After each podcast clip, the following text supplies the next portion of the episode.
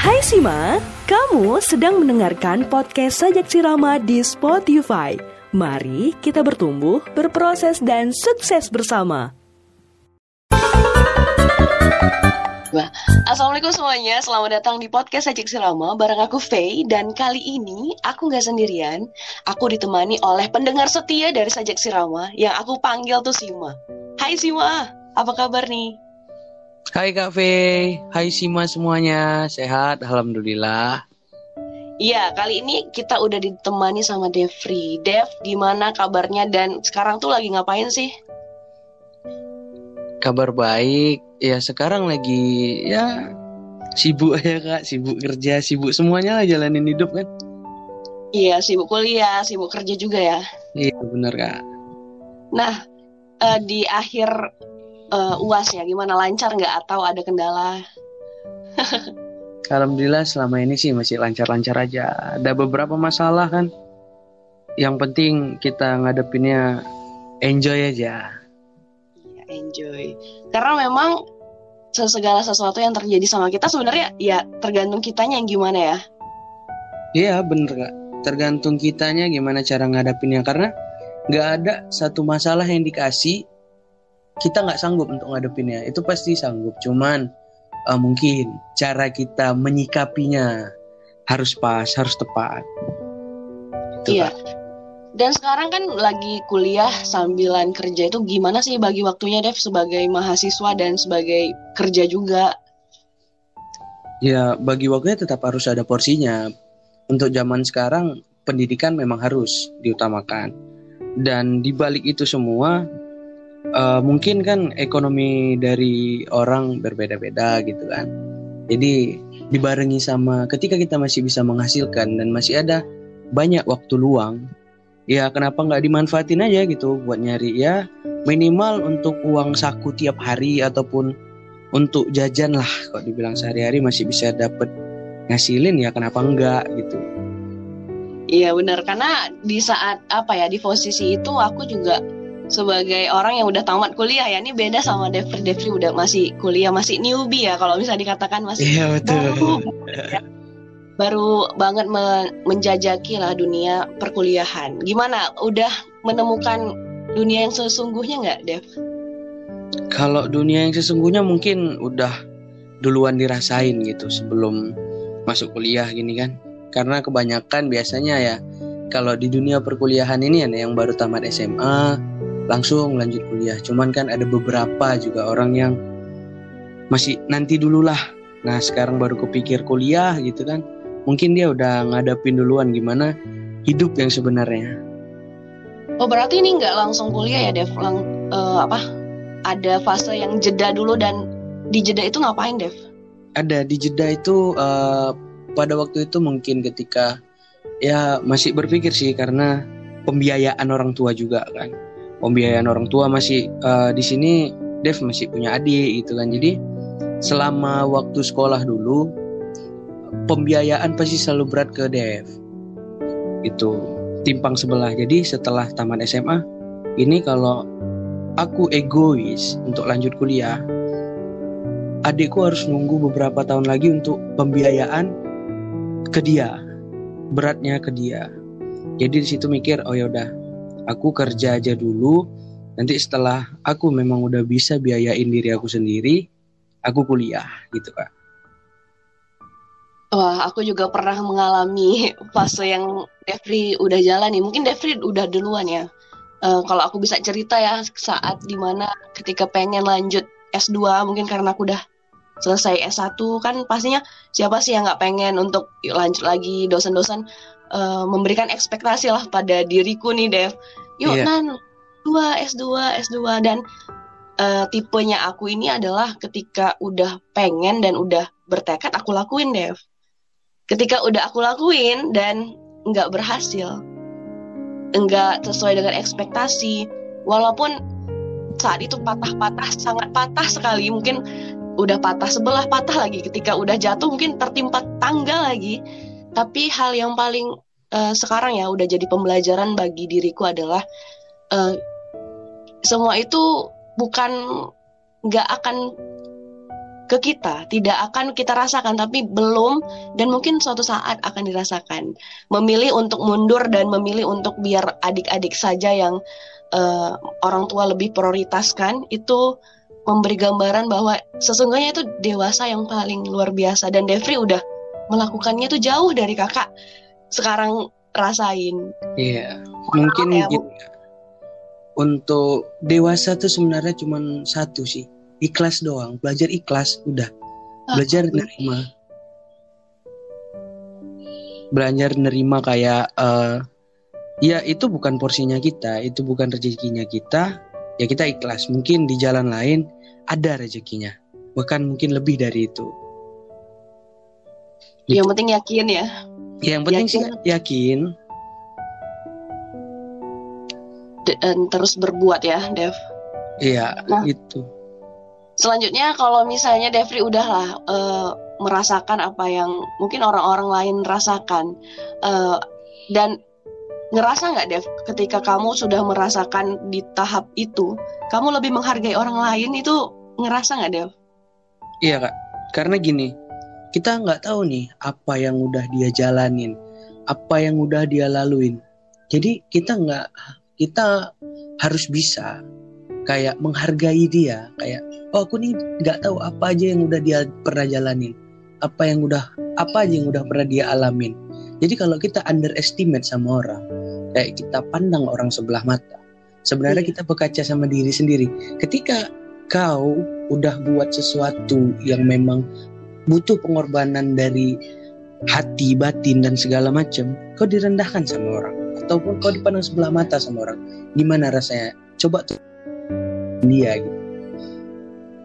Makanya kayak nggak pernah aja mandang orang sebelah mata kayak oh dia mungkin saat ini masih di situ.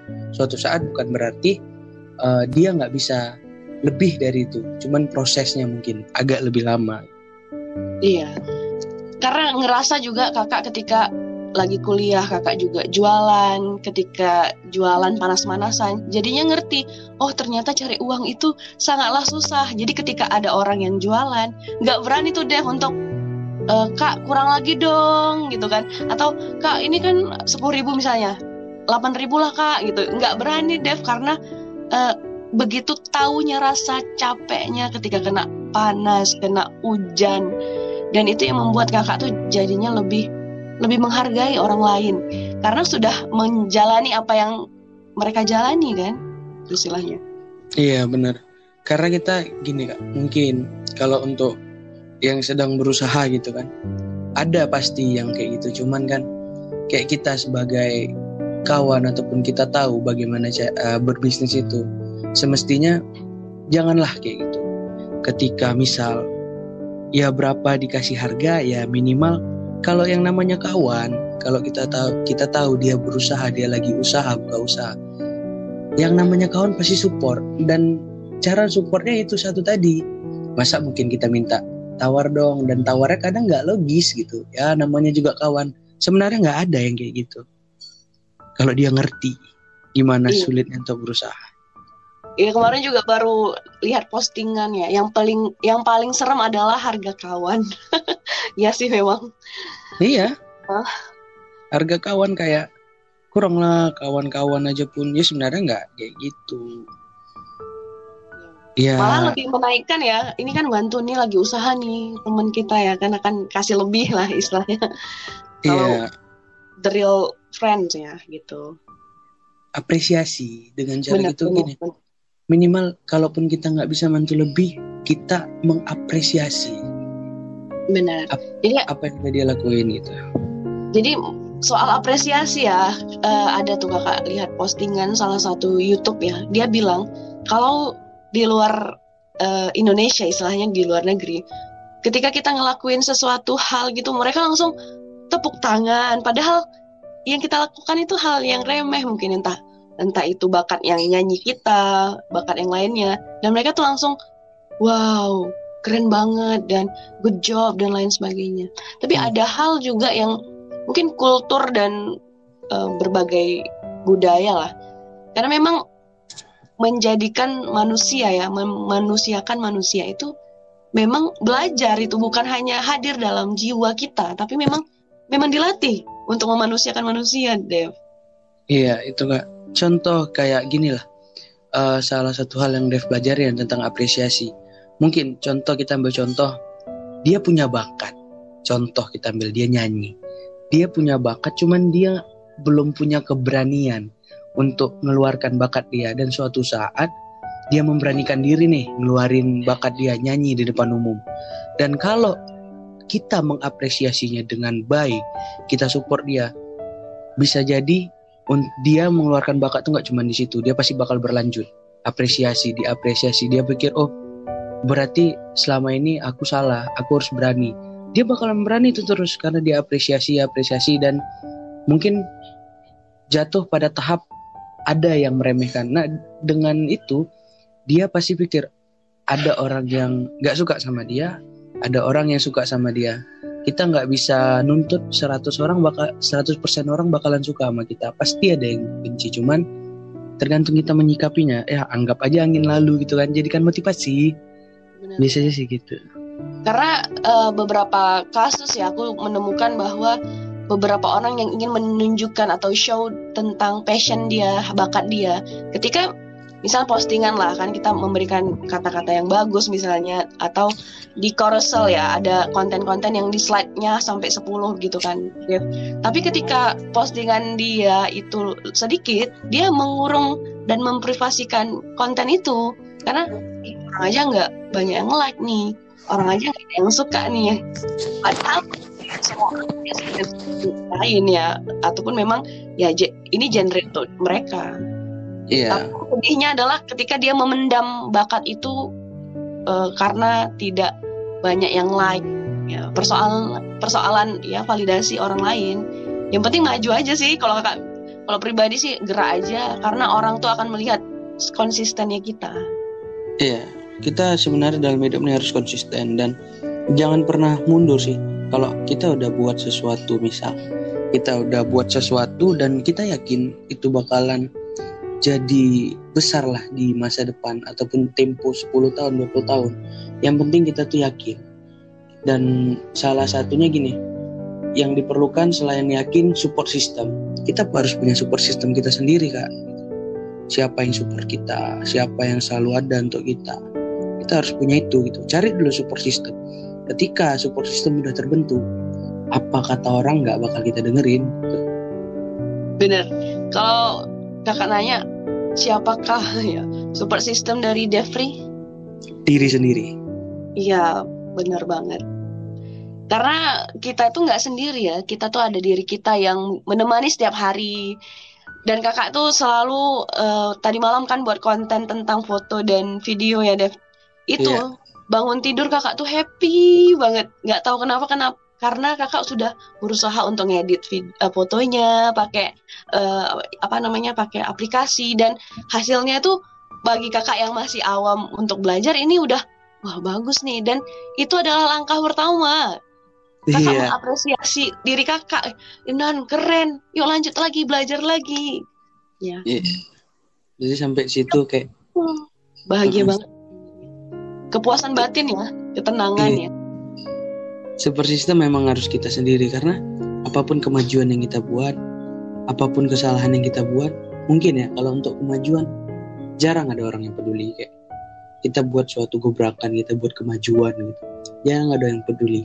Cuman kalau kita buat kesalahan sedikit aja pasti orang selalu ah itulah segala macam bla bla bla pasti aja ada hubungan-hubungan di belakang. Itu pasti. Iya Benar. Karena kakak ini ingat teringat nih karena Devri bilang perumpamaan itu ada pepatahnya Dev, ada apa ya? kiasannya. Kayak gini dia. Gajah di pelupuk mata nampak, semut di seberang lautan tak nampak. Paham nggak Dev masuk maksudnya tuh? Tahu. Ya, kesalahan orang nampak aja walaupun sekecil apa pun tuh aja, tapi kesalahan sendiri aja di depan mata itu nggak nampak dan itu memang uh, kalau kita paham akan kodratnya mungkin manusia, kita nggak akan pernah sakit hati atau tersinggung karena memang begitulah uh, mekanismenya terjadi. Yang penting respon kita, respon kita baik, maka kualitas hidup kita baik. Uh. Satu yang harus diyakinin gitu, uh, re rezeki orang memang beda-beda. tapi rezeki itu nggak pernah ketukar itu yang harus di, perlu diyakinin gitu. Kan rezeki orang memang beda-beda. Ada yang A ada yang B. Tapi kalau udah rezeki kita B pasti dapatnya B. Nggak akan dapat A atau C. Karena udah rezeki nggak akan pernah ketukar. Dan rezeki itu juga bukan hanya uang saja Dev. Tapi ketenangan punya kawan yang baik uh, segala sesuatu yang mendukung kita itu juga rezeki. Dan ini yang sulit. Mungkin salah bukan salah sih tapi mungkin lain perspektif bahwa bukan hanya mengejar materi tapi ketenangan batin itu sangatlah penting ya.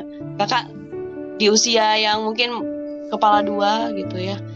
Mungkin ada hal-hal yang seharusnya kamu tuh kayak gini gitu ya. Di usia kayak gini kamu tuh pencapaiannya gini gini. Tapi nggak apa-apa lambat nggak apa-apa pelan-pelan tapi terus melangkah aja. Iya betul kalau bagi Devri ya kak ya. Mm-hmm. seni yang paling indah itu cuma dua. Apa tuh? Seni lukis sama seni kata-kata kayak kiasan iya. segala macam. Itu kayak bacanya kayak maksudnya ini cuman dengan kata-kata yang lebih mungkin jarang didengar gitu kan. Kayak kata-kata suka ngelihat quotes apa segala macam. Dari situ juga kita belajar kan dari kata-kata itu kita belajar oh ini begini artinya ini begini artinya ya dari cuman satu sih yang paling uh, dev iniin sekarang ya sabar sabar ikhlas sabar ikhlas itu aja sabar ikhlas Iya. Sabar dan ikhlas karena keduanya itu nggak mudah deh. Butuh hmm. belajar seumur hidup. Itu dia. Sabar karena juga. Karena mungkin gini, ada kiasan juga yang uh, terlintas kan. Kayak mungkin kau mengerti karena teori, tapi aku memahami karena mengalami. Ay, keren. itu dapat di mana itu uh, sebagian ada referensi juga sebagian ada kata-kata sendiri kan karena itu mungkin terlalu panjang dipersingkat lagi gitu. Wah, di ATM ya amati tiru modifikasi ya Dev Iya, amati tiru modifikasi kayak gitu kan. Mungkin kau ngerti karena kau oh. mungkin sering dengar cerita orang ataupun sering ngobrol sama orang. Kau ngerti gimana kejadian ini. Cuman aku memahami karena aku yang ngalamin. Ini kayaknya langsung setelah dari ini kakak akan membuat coach no, apa ya quote dari Devri ya bye Devri. Boleh boleh kak. Karena keren. bener banget. Bener banget bener. Karena mungkin banyak yang kayak zaman sekarang nih kan. Anak yang uh, minta ibaratkan kepenuhan uh, kebutuhannya ataupun keinginannya nggak dipenuhi sama orang tua segala macam kadang dia ngambek uh, sama orang tuanya marah sama orang tua ya coba deh. Agak pikirannya agak lebih dibuka sedikit. Agak lebih dibuka sedikit bagaimana seandainya kita jadi orang tua. Ada banyak yang diprioritaskan. Dan sementara keinginanmu ataupun apa yang kau minta itu gak sama sekali gak ada pengaruhnya. Itu jadi kayak orang tua juga mikir kan mana yang lebih penting. Dan seharusnya anda sebagai yang minta itu juga ini mikir mana yang lebih penting kadang gitu ada yang ya namanya juga pergaulan kak zaman sekarang kan iya bener karena yang Allah Allah ya tahu ya mana kebutuhan kita yang penting dan keinginan kita. Kadang kita berdoa ya Allah berikan aku iPhone ya, dan lain sebagainya. Namun ada hal-hal yang apa yang lebih diutamakan ya kebutuhan-kebutuhan. Iya. Coba deh gini. Hmm. Salah satu caranya uh, untuk melatih kedewasaan kita, untuk melatih uh, cara kita beradaptasi dengan proses pendewasaan hidup jauh dari orang tua. Itu bakalan dapat banyak pelajaran dan kalau dibilang ya cepat bisa menunjang proses pendewasaan kan. Jauh dari orang tua. Nggak bisa lihat orang tua tiap hari itu kayak rindu ya udah kita rindu cuman susah untuk ketemu gitu sama orang tua paling cuman ngobrol segala macam dan kita sebagai anak bukan terus-terusan kita dikuatkan. Kita juga harus menguatkan orang tua. Minimal kalau belum bisa membantu, jangan membebani. Itu. Benar-benar jangan jadi beban pikiran juga kan udah jauh kan nanti udah ngeluh lagi mak sakit perut lah mak dan lain sebagainya pastinya hmm, kuatlah dengan diri kamu dan meyakinkan bahwa kita tuh baik-baik aja di sini ya Dev senang Iya. tinggal di di kota Langsa Dev Ya gitulah kak. Kota Langsa masih kota yang lebih kecil mungkin daripada Medan kan. Masih segalanya masih bisa dijangkau lah kalau dibilang. benar Kalau untuk di kota Langsa. Iya. Dan sekarang mungkin kita akan closing statement ya Dev. Karena perbincangan kita sangat luar biasa hari ini sangat mungkin kalau misalnya lebih dalam lagi ya di next uh, episode ya. Untuk jadi dewasa apa yang perlu dipersiapkan apa yang perlu di apa ya dipersiapkan. Karena nggak mempersiapkan persiapan kan mempersiapkan kegagalan. Untuk menuju dewasa bagi teman-teman atau yang mendengarkan podcast ini Dev apa yang dia harus lakukan Kalau untuk menuju proses pendewasaan yang harus dilakuin cuman beberapa hal. Yang pertama, sabar, ikhlas dalam menjalani, ikhlas eh, sabar dalam menjalani, ikhlas juga dalam menerima. Ketika memang sebuah ekspektasi yang nggak sesuai dengan realita, ya udah ikhlas saja. Karena sejatinya kekecewaan itu lahir dari harapan yang diberikan lebih kepada ekspektasi sehingga terjadi konslet antara ekspektasi dengan realita. Di sinilah terjadi kekecewaan, Kak. dan kekecewaan hadir juga dari pengharapan kepada manusia ya Iya, karena sejatinya kita hanya berharap pada yang di atas. benar gitu It- Oke, thank you banget Dev udah ngobrol di podcast Sajik Sirama dengan eh persiapannya. Mungkin kita langsung aja tapi apa ya yang aku dapati dari pembahasan kita adalah eh, kita tuh jangan ha- apa ya jangan hanya teori saja tapi yuk dijalani sehingga kita juga mengalami proses itu dan akhirnya timbul rasa mengapresiasi orang lain, rasa menghargai orang lain dari apa yang kita alami. Thank you banget Dev, Iya, sama-sama, Kak. udah hadir saja si Rama ya. Iya, Kak, benar. Oke, mungkin itu aja teman-teman eh, pembahasan kita tentang bagaimana cara survive ya menuju dewasa karena dewasa itu memang fase yang memang harus kita jalani. Kalau misalnya nggak diterima rasa itu ya akan jadi bumerang buat diri. Maka jadilah dewasa, jadilah orang yang mendewasakan dan memanusiakan manusia. Gitu. Terima kasih aku Faye akan balik lagi di segmen podcast eh, di Suara Getanyo dan sampai sini aja ya. Thank you udah dengerin dan dadah. Dadah.